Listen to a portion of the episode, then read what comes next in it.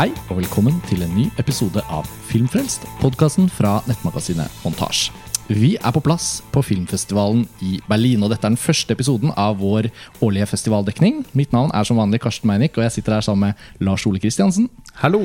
Og eh, bidragsyter til montasje og filmviter Ida Katrine Holme Nilsen. Vel Hei. Velkommen til Filmfrelst. Det er første episode du er med på. Ja, Og det er vi veldig glad for. Du er også her i Berlin og dekker festivalen. Eh, Du er skribent for både montasje og andre eh, publikasjoner. Og vi har fått med deg på denne episoden for å snakke om Adam Mackays nye film Vice. Og vi må kanskje gi litt bakgrunn for hvorfor dette blir liksom den første Berlin-podkasten. For det er jo ikke en film som egentlig er eh, Altså Den går jo allerede på kino hjemme. Lars Ole. Ja, det blir jo litt å gripe anledningen eh, til å si noe om en film som også er kinoaktuell hjemme, og som er aktuell for mange Oscar-priser. Eh, av ubegripelige årsaker. Nei, vi skal ikke begynne med slakten helt ennå. Men det er klart at det er noe et eller annet veldig Det at Dieter Koslik, den ofte kritiserte eh, programsjefen Og nå i Berlin Og nå ja. avtroppende, programsjefen i Berlin, har liksom Av alle sånne amerikanske filmer han kunne hatt en slags Tidligere så holdt de jo på med europapremierer her. Mm. Eh, filmer som The New World av Terence Malick. There will Shut- be blood. There Will Be Blood av Paul Thomas Anderson, Shutter Island til Martin Scorsese. Ja. De har på en måte sluttet litt med det, men så har man Men så har, man For Vice er, altså, det er vel litt sånn typ da Tyskland-premieren? Ja, det må være årsaken. Den er jo utenfor konkurranse, så den er ikke nominert til Gullbjørnen. Og den kom ganske sent inn i programmet. Og det er jo en film vi har jo fulgt pga. vi følger Oscar-racet, så har vi fulgt den en god stund. Så kan jo selvfølgelig lytterne våre stille seg spørsmålet hvorfor har dere valgt å prioritere å se den her. Jo, det er jo rett og slett fordi at eh, vi ikke har Altså fordi at vi nettopp har vært i Hongkong. Ja, Og Ikke fått sett den hjemme. så, så har vi ikke fått sett den hjemme, og Nei. tenkte at det var en anledning så god som noen for å få sett da det som strengt tatt er en av de mest sånn omsnakkede filmene i årets Oscarsesong. Ja, og uh, Ida, når vi, når vi går til en film som dette, så tenker jeg altså, uh, Lytterne er jo kjent med Lars Ole og meg og våre stemmer og hvordan vi snakker om ting. Men sånn, hvis vi starter med deg, da. Altså, uh, Vice, en sånn film som dette. Hva slags forventninger går du inn i når du skal se denne filmen? Øh, jeg hadde jo sett alle bildene av Christian Bale øh, i forkant. Jeg hadde ingen forventninger. Jeg har ikke lest noe som helst, så jeg så den helt blankt. Mm. Og ble umiddelbart irritert over at den prøvde å være så jævlig morsom. Mm. Ja, det er en veldig irriterende film. Jeg vet ikke helt hvor vi skal starte, men det er et fint sted å begynne. Eh, men den handler jo om på en måte en slags sann historie her. Da. Altså, det er sikkert mange som allerede har gjort seg kjent med dette, men for de, de som ikke vet noen ting om filmen, så er det jo da et slags biografisk portrett av Uh, USAs tidligere visepresident Dick Cheney, som var second in command da under George W. Bush i de årene fra år 2000. De ble jo uh, sverget inn i januar 2001, var det vel? Frem til Barack Obama vant valget i 2008 og ble tatt i ed i 2009. Så det er jo denne åtteårsperioden eh, som blir veldig sentral for plottet. Men filmen tar seg på en måte oppgaven å fortelle oss hvem Dick Cheney da egentlig var. Så vi får den bakgrunnsfortellingen om hvordan han kom til den posisjonen som visepresident. Og det er jo et utgangspunkt som ikke virker så uvanlig. Så det spesielle med Vice er jo det, det, altså det fortellermessige og det uh, idémessige grunnlaget han Adam McKay har for å skrive og regissere filmen på akkurat den måten den er lagd på. For det er jo der irritasjonen kommer Ja, inn. ja, Ikke så mye at det er en film om Dick Cheney, for det kunne man jo sikkert fint Ja, Det kunne vært spennende. Ja. Ja. Det virker som du datt ut av filmen veldig raskt. Eh, Jeg sovnet eh, 15 ganger. Altså i sånne, i sånne Du vet sånn ettsekundsintervaller hvor jeg fremdeles hørte etter. Rullegardiner kaller vi det. Rullg- Rullegardiner. um, så det er kanskje ikke det mest engasjerende jeg har sett uh, på lenge. Nei, og det var et veldig streit visningstidspunkt òg. Altså, vi så filmen liksom det var ikke tidlig. Nei, Nei, det var sånn klokken klokken var- 11. Det er jo ikke det som er tilfellet. Og jeg skulle ønske jeg hadde sovnet, for å si det sånn. Ja. Uh, Lars Ole, jeg sa det jo til deg, men jeg, jeg, jeg må erkjenne at jeg tror dette er en av de verste de mest provoserende jævlige filmene jeg har sett på veldig lenge. Og det mener jeg også i forhold til proporsjoner. Fordi det er mye dårlig vi ser. Men man har liksom litt hjerte for noen som prøver og bare ikke får det til. Men her snakker vi om en film laget med de absolutt beste forutsetninger i Hollywood. Med pengene til Megan Ellison i Annapurna Pictures, som finansierer Altså Hun sto jo bak finansieringen for Zero Dark Thirty, f.eks. En film som tok for seg historien om jakten på Osama bin Laden, som er en parallellfortelling til det som foregår i Vice. Det er jo så mye man skulle forvente at denne filmen ønsker å få til. Så er den liksom ikke interessert i å ta verden på alvor, på en måte. Og jeg syns den er så jævlig provoserende, for den er ikke i nærheten av en god satire. Eller en komedie som på noen som helst måte er morsom. Og jeg bare vet ja, Jeg, svir kanskje ha kruttet med å bare si alt det med en gang, men jeg, bare, jeg, jeg kjente jeg ble helt paff. Nei, ja, men altså, filmen er helt for jævlig. Og hva er det med denne Adam Mackay? Eh, noen kan jo ikke Tilsynelatende ikke få nok av han. Altså Anchorman er en sånn stor kultklassiker for mange. Eh, The Big Short var også en helt for meg en helt usebar film. Eh, som på et tidspunkt var favoritten til å vinne Oscaren for beste film eh, det året. Så ble det Spotlight. Ja, den så jo jeg aldri, nettopp fordi du avbefalte den så hardt. Har du sett The Big Short? Avbefalt den, ja. ja. Nei, jeg, jeg har heller ikke sett den av Nei. akkurat samme årsak. Ja. Ja, for det er en film som mange Får ikke noe sånn- mer lyst til å se den nå. For å si Nei, det sånn. var en film som fikk veldig god mottakelse i norsk eh, presse. Overrasker meg ikke. Eh, og som mange amerikanske kritikere også på en måte stilte seg veldig sånn eh, bak. Men filmens måte å være på gjør jo også at den veldig naturlig får seg fiender. Så det er jo en film som jeg vil også tro mange virkelig har eh, frabefalt andre. Jeg, eh, jeg er ikke alene om å synes at den filmen var som å på en måte ja, eh, Altså bare helt eh, usebar. Mm, mm. Og jeg hadde da naturlig nok veldig negativt ladede forventninger til Vice. Jeg er også sjelden begeistret for sånne sminkorama- og fatsuit-filmer. Eh, hvor eh, store skuespillere skal method-acte seg eh, til døde foran kamera. Mm, Når det er sagt, så er jeg svært begeistret både for Christian Bale og for Amy Adams. Så det var jo ikke heller uten en viss nysgjerrighet på spesielt deres rolleprestasjoner. Men et, ut fra hva jeg har lest og hørt, så har jeg jo skjønt at uh, Adam McKays ja, Nå vokser det ordet i munnen min, kjenner jeg, men autørsignatur uh, var uh, intakt, da. Så på det, og det visste jeg Altså, det har jeg på en måte jeg var ikke vaksinert mot det, selv om jeg hadde sett det Big Short. Jeg ble like uvel igjen. Ja, men vi kan vel signere på det, Ida, du og jeg også, at skuespillergalleriet her Altså, hvem er Det vi har Det er jo bare folk man liker, nesten. Ja, Amy, jeg elsker Amy Adams. Nettopp. Hun Christian spiller kona. Christian Bale som Dick Cheney. Hvem andre har vi? Steve Carell, som eh, Hva het han? Donald Rumsfeld. Donald Rumsfeld, ja. Og en eh, hvem, hvem var eh, George Bush? Det er vel Sam Rockwell som, Sam eh, Sam som gjemmer, seg under, gjemmer seg bak øyenbrynene der. Uh, og Ja. hvis, man skal, hvis, hvis, vi skal, hvis vi skal bruke et eh, sekund på noe positivt Ja. Nå kan vi gjøre det. For nå skjønner jo lytterne at dette er et train wreck for vår del. Eh, vi kan jo snakke mer om uh, mottagelsen senere i, i praten. Men hva er lyspunktene oppi dette makkverket, Lars Ole? For meg var det eh, ja, Nei, altså Det var et lyspunkt å se eh, George Bush for første gang. Fordi det var faktisk veldig likt. Det var noe med øynene litt onheimlig unheimlich, faktisk. Ja, det var litt unheimlich. Det var noe med øynene og øyebrynene og sånn som jeg Da, da kom det et lite kvekk fra meg. Ja, og- det var gøy. Men så var det over. Han, han var jo hovedpersonen i, i Oliver Stones uh, film 'W'. Uh, og da syns jeg Josh Brolin overspilte, og det var bare en så utrolig corny karikatur. Så den filmen fungerte jo ikke i det hele tatt, den heller. Sånn som jeg husker det Nå står den i litt, litt bedre lys da etter at Vice er laget. Um, men uh, Sam Rockwell var jo faktisk uh, Det er likevel sjokkerende for meg at han er Oscar-nominert, for han har på en måte tre scener eller noe sånt i filmen. Ja, men, eh, men det er faktisk uh, veldig treffende da med han. Ja. Og så syns jeg altså Når man isolert sett observerer Christian Bale være virtuos i denne filmen, når han bare sitter og er Dick Cheney, fått på seg, altså, lagt på seg de kiloene, fått på seg sminke og sånn, og liksom bare bare la alt det komme til siden. Han bare sitter der og bare spiser de replikkene. Det var et par øyeblikk hvor jeg tenkte fy faen, Christian Bale. Han kan faen meg gjøre hva som helst. Eh, Men så går det bare noen sekunder til før scenens idé avsløres. Og så er ideene til Adam Mackay så spyfremkallende dårlige at eh, jeg, ble- jeg, bare- jeg, jeg måtte jeg, Det var et tidspunkt i filmen, så, så snudde jeg meg til Snudde jeg meg til Lars Ole. Ja. Dette tror jeg er den verste ideen jeg har sett på film noen gang. Ja, for det er altså en scene i filmen Jeg må bare ta det. Kan jeg få det av skuldrene? Ja. Det er en scene i filmen hvor Det er litt vanskelig for meg, dette her.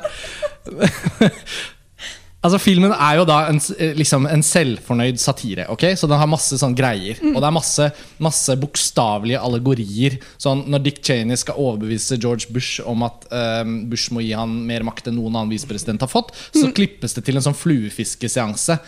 Nei, men tror dere det kan bety at dette er et bilde på om George Bush biter på kroken eller ikke? Og så er det sånn Det er liksom helt bokstavelig Altså, det. ja. Det, det er dårlig nok i seg selv. Og så får vi da en scene litt ute i liksom filmen. Sånn, sånn, sånn Oh. Altså er, kommer denne scenen da hvor det skal handle om eh, den amerikanske statens bruk av terror i overvåkning av eh, mistenkte under krigen mot terror. da Hvor vi da har eh, eh, Dick Cheney og et par andre av hans kumpaner på restaurant. Hvor de da plutselig i en slags form for sånn metaforisk scene, da så er de liksom på, på terrormenyens restaurant. Ja. Hvor servitøren, også helt sånn umotivert spilt av Alfred Molina, kommer, til bo kommer til bordet og liksom skal si hva som står på menyen. Ja, Hvis dere tar Guantánamo Bay til hovedrett. Og jeg kunne ikke Jeg kunne ikke tro det! At de har, at de har sittet sammen. Først ved manusplan, og så planlagt å skyte scenen. Og så dritseriøse skuespillere som sitter rundt bordet og, og spiller på alvor ut den scenen.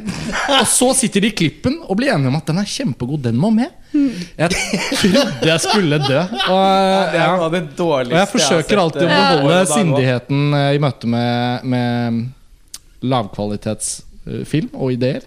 Og, og være åpen for at det kan jo snu. Men da kjente jeg nå knakk det byggverket sammen. Hvis jeg ga Wise noen sjanser underveis frem til da, så var det over. Åh, nå har jeg fått det. Jeg måtte bare. Da var jeg også uheldigvis eh, våken. Ja. Så. Ja. Men hva hvis du skulle sagt noe positivt, Ida, eh, oppi alt dette? Nei, men eh, bare først og fremst, salen lo jo veldig mye. Jeg lo ikke. Nei, jeg, Men så det, altså, det, det er vel kanskje noe som tyder på at alle ikke er like negative som eh, Nei, som, fordi altså, jeg, Nei, jeg dro heller ikke på smilebåndet under Nei, filmen. overhodet ikke. Men, men den treffer jo noen, da. Altså, en ting er de amerikanske kritikerne har fått relativt blandet mottagelse Den har fått overraskende blandet mottagelse i USA til å være en film som like fullt er nominert til Er det åtte eller syv Oscar-priser. Eh, vi man, I vantro Eller egentlig ikke vantro. Jo, det overrasker meg overhodet ikke. Men jeg sjekket jo de norske avisanmeldernes mottakelse òg, da. Mm. siden det var hadde jo premiere for en uke siden. og det var jo firere og femmere, da. Så de må jo åpenbart også altså, Pressevisningen i Tankred òg har Ja. åpenbart ha- hatt kjempestemning. Ja. Eh, eller at det har vært kjempestemning der. Um, ja, altså hver sin smak, da. Eh, og, og hver sin humor og sånt. Det er vanskelig, dette med humor. Det, kan for, det som for noen er hysterisk, kan for andre være helt sånn Altså Man oppfatter nesten ikke at det skal være, er ment å være morsomt engang. Her er det ganske lett å oppfatte hva som er ment å være morsomt. Eh, og det er altså en sånn breial, selvfornøyd og plump form for satirisk humor som, som bare er sånn Det er, det er søppel, rett og slett. Og så handler jo filmen Ja, altså, vi må komme tilbake til det, men vi kan ta det med humor. For, altså, Ja. det, er, det er så mange liksom-morsomme og kule grep som bare faller fullstendig bladask i bakken hvis man har sett litt film. Det er også noe med Det er så kvalmende med den stilen til han Adam Mackay. Han eh, Bare når du nevnte den med den fluefisken i stad. Eh, fluefiskingen kryssklippet med denne slags middagen de har. Så kommer jeg til å tenke på at det er liksom litt sånn Åh, tenk om han liksom er som han prøver litt på det Lars von Trier gjør i Nymphomaniac. Ja. Og det er House of Jack Bilt. Uh, med litt sånn digresjoner som liksom skal uh, gi en spesifikk klang til det som er liksom kjernen i scenen. Og så har han disse montasjene sine, bruk av mange forskjellige typer eh, formater. Det er masse tekst på skjermen hele tiden. Det er en voiceover som så blir en karakter som bryter med den fjerde veggen. Åh, det var mye av i The Big Short òg. Helt jævlig. Eh, og en sånn saus av liksom virkemidler som, som gir inntrykk av at han på en måte tror han er litt sånn, litt sånn Jean-Luc Godard. Nest, noen ganger litt sånn Eisenstein. Ja, det er så Og, han bare- og, så, og, så, og så presenterer han jo hvert eneste virkemiddel med en etikett på Ja. hvor det står hva det er. Så Men tydelig er det. Det er, det er som det eneste som mangler, er at det står en klisterlapp på hvert virkemiddel sier sånn Dette er en metafor. Ja. Dette er en uh, kryssklipping. Dette er kostyme. Altså, det det er, det er flaut. Men den første var jo nesten den aller verste. Da fikk jeg litt sånn avsmak med en gang. Med Det der at det var basert på en sann Det står en etikett i starten at det er basert på en, en sann historie. Og det er veldig vanskelig å fortelle den fordi at det var så mye secrets omkring Dick Cheneys eh, tid som visepresident. Og så står det liksom nederst But we tried our fucking best. Og det er så påfunnsaktig. Nettopp. Og det er, ja, det er jo ikke min humor, da, åpenbart. Men, ehm, Nei, men, men, for, men, for no, men for noen men da lo Da liksom humret det det litt i salen. Ja, det var mange som syntes det var, det var mange av de som som morsomt. var tyske. Adam Og tyskerne er jo kjent for å ha veldig, veldig dårlig humor. Adam Det merker man jo de gangene i Berlinalen uh, for Berlinalen. Det hender jo at hovedkonkurransen her har noen sånne tyske komedier. uh, som man som, uh, som ikke-tysk kritiker bare huh, og nå, Altså sånn Det er ikke alle tyske komedier som er som Tony Erdmann, for å si det kjempemildt. Nei, og vi har altså. lidd oss gjennom noen av de på Berlin, Berlinalen opp gjennom årene. Men stemningen blant de tyske kritikerne i salen da, eller gud forby om man havner på en publikumsvisning, det er jo Altså, da er det fest. Ja, nei, eh, det er noen kulturforskjeller i spill her. eh, Ja. Og jeg vil ikke si det bare handler om eh, reaksjonene her i Tyskland, men jeg føler jo også at denne filmen minner oss jo om at det er et juv mellom den bredeste, mest bredbente, hvite mann-baserte amerikanske filmhumoren eh, og eh, noen av oss mm, publikummere som ikke syns det er gøy. Da føler jeg liksom at da er det et juv. Da er det som om de kunne snakket et språk jeg ikke skjønte. Altså det, ikke sant? Da, da blir det blir sånn helt langt der borte. Og, og jeg, syns, um, jeg syns han undervurderer sitt publikum, uansett hvilket publikum det er. Om det er det amerikanske eller norske eller tyske. Altså sånn, jeg opplever jo at For nå må vi komme inn på det. Altså at Filmen handler jo faktisk om en av de største tragediene i vår levetid. Altså Den handler om eh, eh, mennesker som satte i bevegelse eh, kriger eh, og, og liksom flyttet moralske grenser i verdenssamfunnet. Som vi aldri kan reparere igjen. Med ren manipulasjon. Og, ja, og jeg tenker sånn Jeg sier ikke at ikke du har lov til å lage en komedie eller en satire om det. Men du skal fortsatt forholde deg til eh, en, his, en verdenshistorie, en nyere verdenshistorie vi alle, alle vi har sett i avisene mens vi har vokst opp. Og det har jo liksom fra 11. september, særlig da fra 11. september. Det var jo ikke det at det var bare bare på 90-tallet heller. Men hvordan da denne president Bush og hans administrasjon, med Dick Cheney i spissen, håndterte det, og hvilke konsekvenser det fikk. Uansett sjanger og tull og tøys, så skal vi jo huske at det ligger der. Og en scene i filmen som avslører at Adam Mackay på en måte vil lage en alvorlig film òg. Den er når eh, George W. Bush sitter og holder en sånn TV-sendte talen om at han skal invadere bombe Irak. En tale veldig mange av oss husker vi så på TV. Eh, Tonight I've given the order that, that, that, that. Coalition forces, bla, bla, bla. Og så beveger kameraet seg ned, og så ser vi at George Bush sitter under pulten sin og, og tripper med foten. For å vise på en måte at han er nervøs, at dette faktisk ikke er så gøy for han. på en måte Og så kryssklippes det da til en familiefar i Irak som ligger under bordet i huset sitt og hører bombene faller utenfor. Og han de, uh, tripper med foten, han også. Og da er det som om filmen i 15 sekunder sier sånn Men husk, alle sammen, dette var en ekte tragedie. Og så er det sånn om klovnehatten kommer inn fra venstre og sånn Men vi lager en komedie her, så uhu, nå kommer det alle de idiotiske ideene igjen. Og det var nesten, det var nesten avslørende at den var der. For det viste jo at liksom Her hadde han jo faktisk oversikt over det, og kunne lagd en film om alt det samme, med på en måte mye sånn tongue in cheek og, og, og litt sånn galgen humoristisk stil. Men du må jo på en måte ta opp i deg virkelighetene rundt alt dette som skjedde. Jeg syns han må det. Jeg har ikke noe problem med at man kødder med ting som er seriøst. Og, altså Det skal være fritt. Men det blir jo fryktelig fryktelig dårlig, da, det han har eh, endt opp med. Så jeg syns provokasjonen bare vokser seg enda større eh, av den årsaken. Og uansett hvordan man vrir og vender på det, så er det jo ekte mennesker han har laget en film om. Og de framstår ikke på et eneste tidspunkt som mennesker. Og de er, har fått på seg så store løsneser at eh, det, det er på en måte Det er helt åpenbart for alle som ser på, at nei, fullt så dumme var de ikke. Altså, de ikke Det var ikke sånn at alle samtaler de hadde eh, med noen, var på, liksom, på mot i brøstet-nivå. Eh, det blir på en måte Det er en sånn manglende interesse for hva slags mennesker dette her er.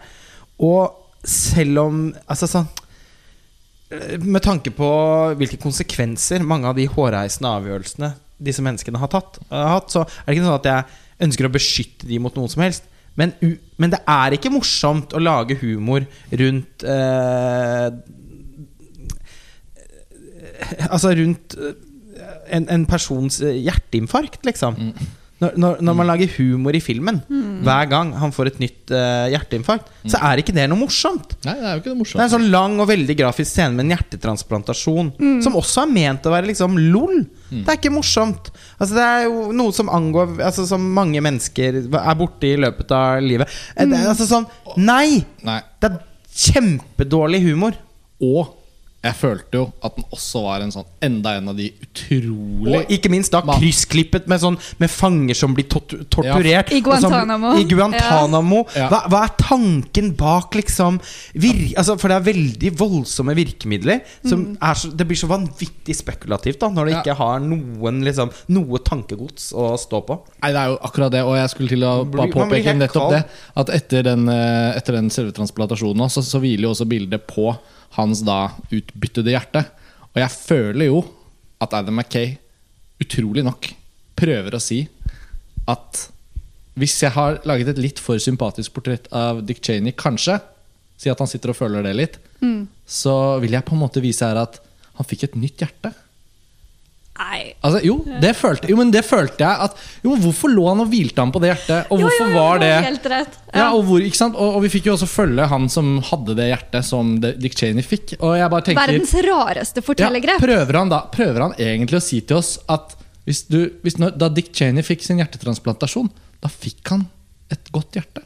Mm. Altså, det, er, det er så lett å tolke det dit hen, selv om det ikke ordrett ble sagt. Nei, men jeg, jeg ser den. Det var en tilleggsprovokasjon oppå det, og, og også helt utrolig hvordan han mener at han skal komme unna med det narrativ. Hva er det han prøver å si? Og Og, det denne filmen er Oscar-nominert i så mange kategorier. Det var veldig lenge man hvilte på Ja, og det ble liksom mørkere. Det ble av- mørkere. liksom, ja. Men det er litt sånn dukketeater. Altså Som du sier med Løsnesene, og alle, alle er litt sånn utapå. Muppets, Det er, liksom. ja, det er, Mupp, det er The Muppet Show i uh, Dick Cheney-utgaven. Det hadde vært bedre Hvis vi skal da liksom på en måte forsøke Og nå er det jo så åpenbart uh, hvor sterkt vi misliker den filmen. Men Ida, hvis du på en måte skal gå inn på rolleprestasjonene da til Christian Bale og til Amy Adams altså, hva, Er det noen av de som strengt tatt fortjener sin Oscar-nominasjon, syns du? Åh, det gjør litt vondt. Jeg er jo så glad i Amy Adams. Men det er noe og det, Nå er det jo veldig vanskelig å skille instruksjon fra, fra skuespill, da. Men hun har jo altså, Hun har jo lagt ned noe arbeid i noe aksent eh, Noe sånn Wyoming-dialekt, fikk jeg inntrykk av. Men det er noe litt sånn ja, det er noe sånn dukketeater over det som, som, som gjør For det første er det veldig utroverdig, og jeg tror det er noe de har gjort for å gjøre komedien mer spiselig. Altså, så, så det blir mindre ekte mennesker, da, som du sier. Og Christian Bale kommer jo sikkert til å imponere bare pga. den fysiske forandringen alene. Men, eh, men jeg vil si nei. Jeg syns ikke det var noe Jeg synes ikke det var noen fremragende skuespillerprestasjoner i det hele tatt.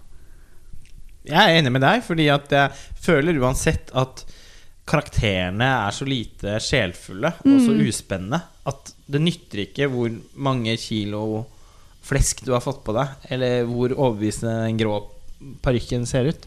Altså det og, og, og Christian Bale, selv om han da på en måte er veldig lik den virkelige personen, Ja, det er han. Mm. så er jo ikke det Men det er på en måte ikke nok. Altså sånn, det syns jeg også Jeg syns jo heller ikke eh, Altså, Gary Oldman i Darkest Hour, da han vant jo også prisen i fjor.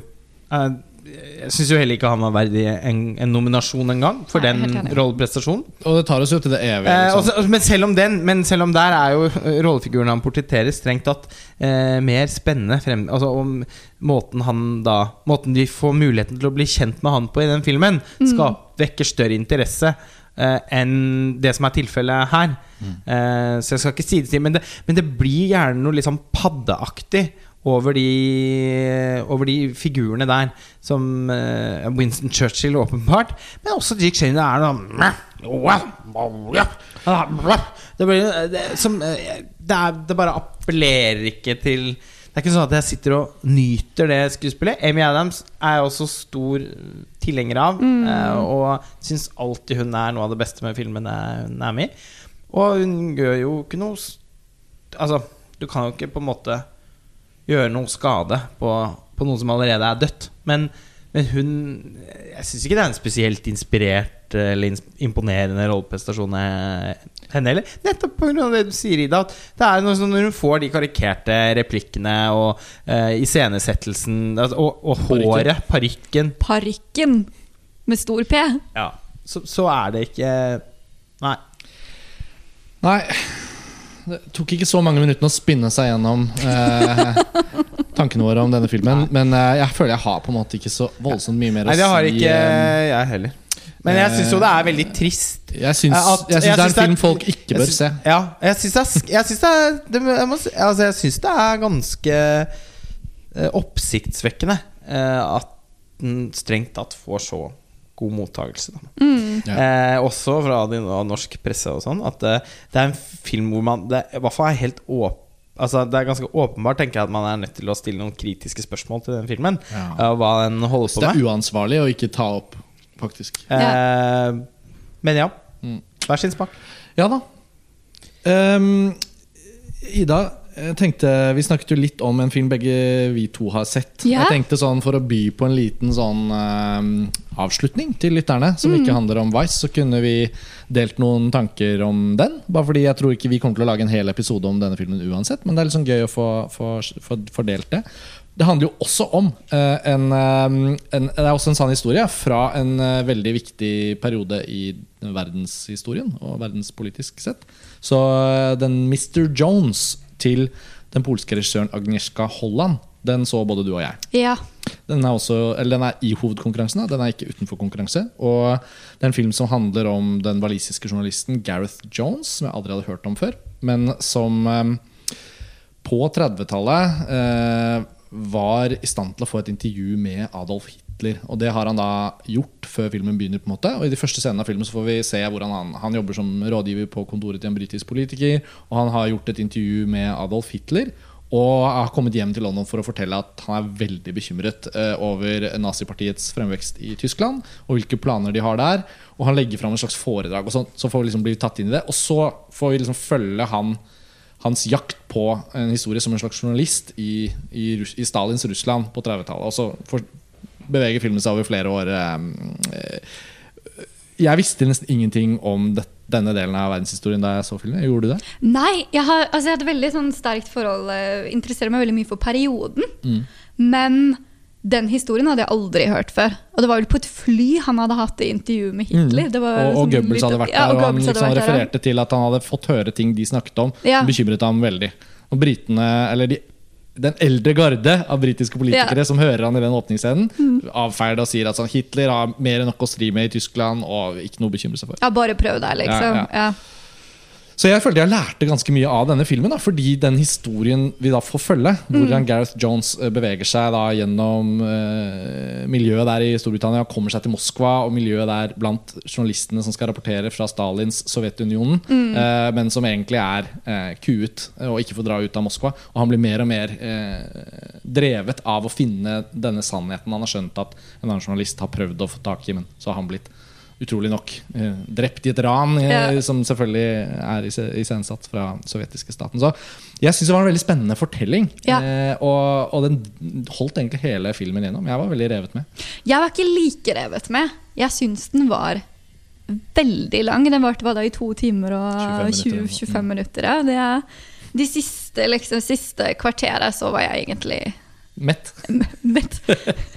Men hva Utrolig nok. Jeg hadde veldig få av skuespillerne jeg hadde noe forhold til fra før. Men du fortalte meg at du har et forhold til han hovedpersonen. Og han, Han spiller veldig bra. han spiller fortell veldig bra. han. Det er han James Norton som også spiller i Krig og fred, BBCs uh, filmatisering av Krig og fred, uh, som ikke er spesielt uh, god. Men han spiller Bolkonski, og han eh, gjør egentlig en veldig Gjorde veldig inntrykk i hvert fall på meg. da Han er jo en veldig, veldig attraktiv mann. Så det er vanskelig, vanskelig å unngå. eh, Ja, han har sånn- veldig spesielt sånn- spesielt ansikt. Han- Jeg kan si at De ligner så veldig på hverandre, men han uh, britiske skuespilleren som spiller i Game of Thrones, som spilte i den Bodyguard-serien på Netflix, uh, James Åh, Nå husker jeg ikke navnet hans. Ja, i hvert fall er det sånn veldig spesifikk sånn Litt Ja. sånne sterke, brede kjever. Ja. Og du føler liksom at han kan bære verden på sine skuldre, og, og veldig modig, og alt det der som kan forme en veldig sterk rollefigur. Mann eller kvinne, da. Men jeg syns han, han passet utrolig godt til denne spesifikke Han var, journalisten. ja. Han, eh, jeg syns han bar filmen på en veldig, eh, veldig bra måte. Men også Mm. Vanessa Kirby som spiller i The Crown, som spiller prinsesse Margaret Mm, i mm. The Crown, var det også en eh, Og hun er jo Jeg syns hun er helt fantastisk. Ja, hun var også kjempebra. Ja. Og hun er også veldig bra i The Crown, så det var ikke noen overraskelse. Nei, nettopp. Nei, men Det er et veldig bra rollegalleri her. Og Ja. Holland har jo nå egentlig hatt en liten sånn revival som filmskaper. Nå, Mm. hun, hun, jeg syns den var ganske god, men ikke helt vellykket. Den Spor, tror jeg den het, som var i Berlin for et par år siden. Så var en sånn krimfortelling satt i Polen. Men hun, har jo, hun gjorde jo så mye bra på 80-tallet, og så har hun jobbet på amerikanske TV-serier. Mm. Og så har hun liksom returnert litt eh, i det store, på det store lerretet nå. Og det er veldig gøy å se. da At noen av de veteranene får, jobbe på så stort budsjett. Det jo en påkostet produksjon. eh, og åpenbart også en film som jeg tror de som har laget den, brenner veldig for å få fortalt historien Ja. om Gareth Jones, som vi eh, få av oss har hørt om. Og jeg synes jo eh, Nå har ikke du sett filmen, da, Lars Ole, men en ting vi ofte kommer inn på, er liksom sånn av alt man ser av film som på en måte ikke er den beste, eller den man må trekke fra, eller som på død og liv er så viktig å formidle, og sånn, så er det så utrolig fint av og til når man er ute på festival å få se kanskje det som ikke kommer til å komme på norske kinoer, men som kan lære oss noe om noe. At man tar med seg noe etter å ha sett film. Så, nå fikk jeg faktisk en liten historietime. Og det kan høres ut som en kritikk av filmen at den er en historietime, men dette er liksom i beste mening. da At man virkelig sånn Oi, ja, det var spennende å vite. Det er litt en sånn film. Og det var jo ikke Vice. Ikke sant? Det var litt en historietime, det òg. På ingen måte. Eh, nei, så Men, eh, men, Men- du Jeg syns faktisk det var en litt forvirrende historietime. Um, På hvilken måte som vi da? snakket litt om. Jeg er veldig opptatt av kostyme. Um, og det, s- vi fikk ikke noen indikator på nøyaktig hvilket år det foregikk. Utover at han selvfølgelig snakket om Hitlers liksom, fremmarsj i, i Tyskland um, um, og nazismen. Men uh, kostymene var litt off uh, tidsmessig uh, en del steder i filmen. Så jeg var veldig forvirret veldig lenge om, om hvor vi var hen, helt til slutten, da, når det blir, av, altså når det blir avslørt hvilket, hvilket årstall vi er i. Så jeg har det liksom, hvis du skal være en så Altså en, en film som har som formål å fortelle en bestemt historie, så, så syns jeg det er så synd når de detaljene ikke er på plass. Fordi da, da brister litt av den historiefortellingen for meg. For det er ikke troverdig, det er ikke, det er ikke ekte på en måte, når man ikke har gjort, eh, ikke har gjort eh, enten tatt noen kunstneriske valg som gjør, at, eh, som gjør at det ikke blir korrekt, eller ikke har gjort researchen, så mister jeg litt tillit til historien. Mm. Så Det er kanskje derfor jeg ikke var Her blir jo fullt så jeg begeistret. ja, og her blir jo jeg reddet av min uvitenhet. da Fordi Ja, det er jo deilig, ikke, det. ja, ikke? Så jeg seilte gjennom de sekvensene uten å tenke et dugg på det. Jeg syns det var veldig flott lagd. Altså, hvis man setter tidsmarkørene til side et øyeblikk, så vil jeg si at filmen har Gamle dager. Ja, gamle det er bare gamle dager. gamle dager. Nei, men jeg synes, eh, altså, eh, Det er et punkt der helt i starten hvor han refererer til dette intervjuet. Og dette er jo ekte altså, Han hadde jo Mm. åpenbart gjort da et litt sånn innflytelsesrikt intervju. Og i ettertiden så tror jeg historikere har vært sikkert veldig opptatt av at det var en fyr som faktisk visste noen ting. Og det ble helt ignorert. Og, og det gjør jo filmen et poeng av helt i starten. Og da vet man jo liksom Ok, det er post 1933. Det er liksom i denne mellomfasen. Men det, det gis ikke sånn supertydelig svar på det. Og så føler jeg at eh, så fort den beveger seg til Sovjetunionen, Moskva, Stalin, og så er liksom eh, plottet veldig i gang, da. Eh, eh, filmer om journalister som skal finne noen svar, er jo, når de er bra, så er det jo spennende bare å følge med Ja. på. Og det syns jeg denne filmen lykkes veldig bra med. Så jeg syns egentlig at uh, alt det stofflige i hvordan kostymene liksom var uh, han, han hadde noen veldig uttrykksfulle briller. Ja, Apropos du, brillene var bra. Vet du hva? Det, det, det er veldig sjelden jeg kan påpeke noe sånt. Han hadde et par sånne runde briller. Det ser man hvis man søker Det var filmen. moten, så, det var moten Ja. på den tiden. Ja. Og Agnieszka Holland kan altså ikke få nok av potensialet for refleksjon i de brillene.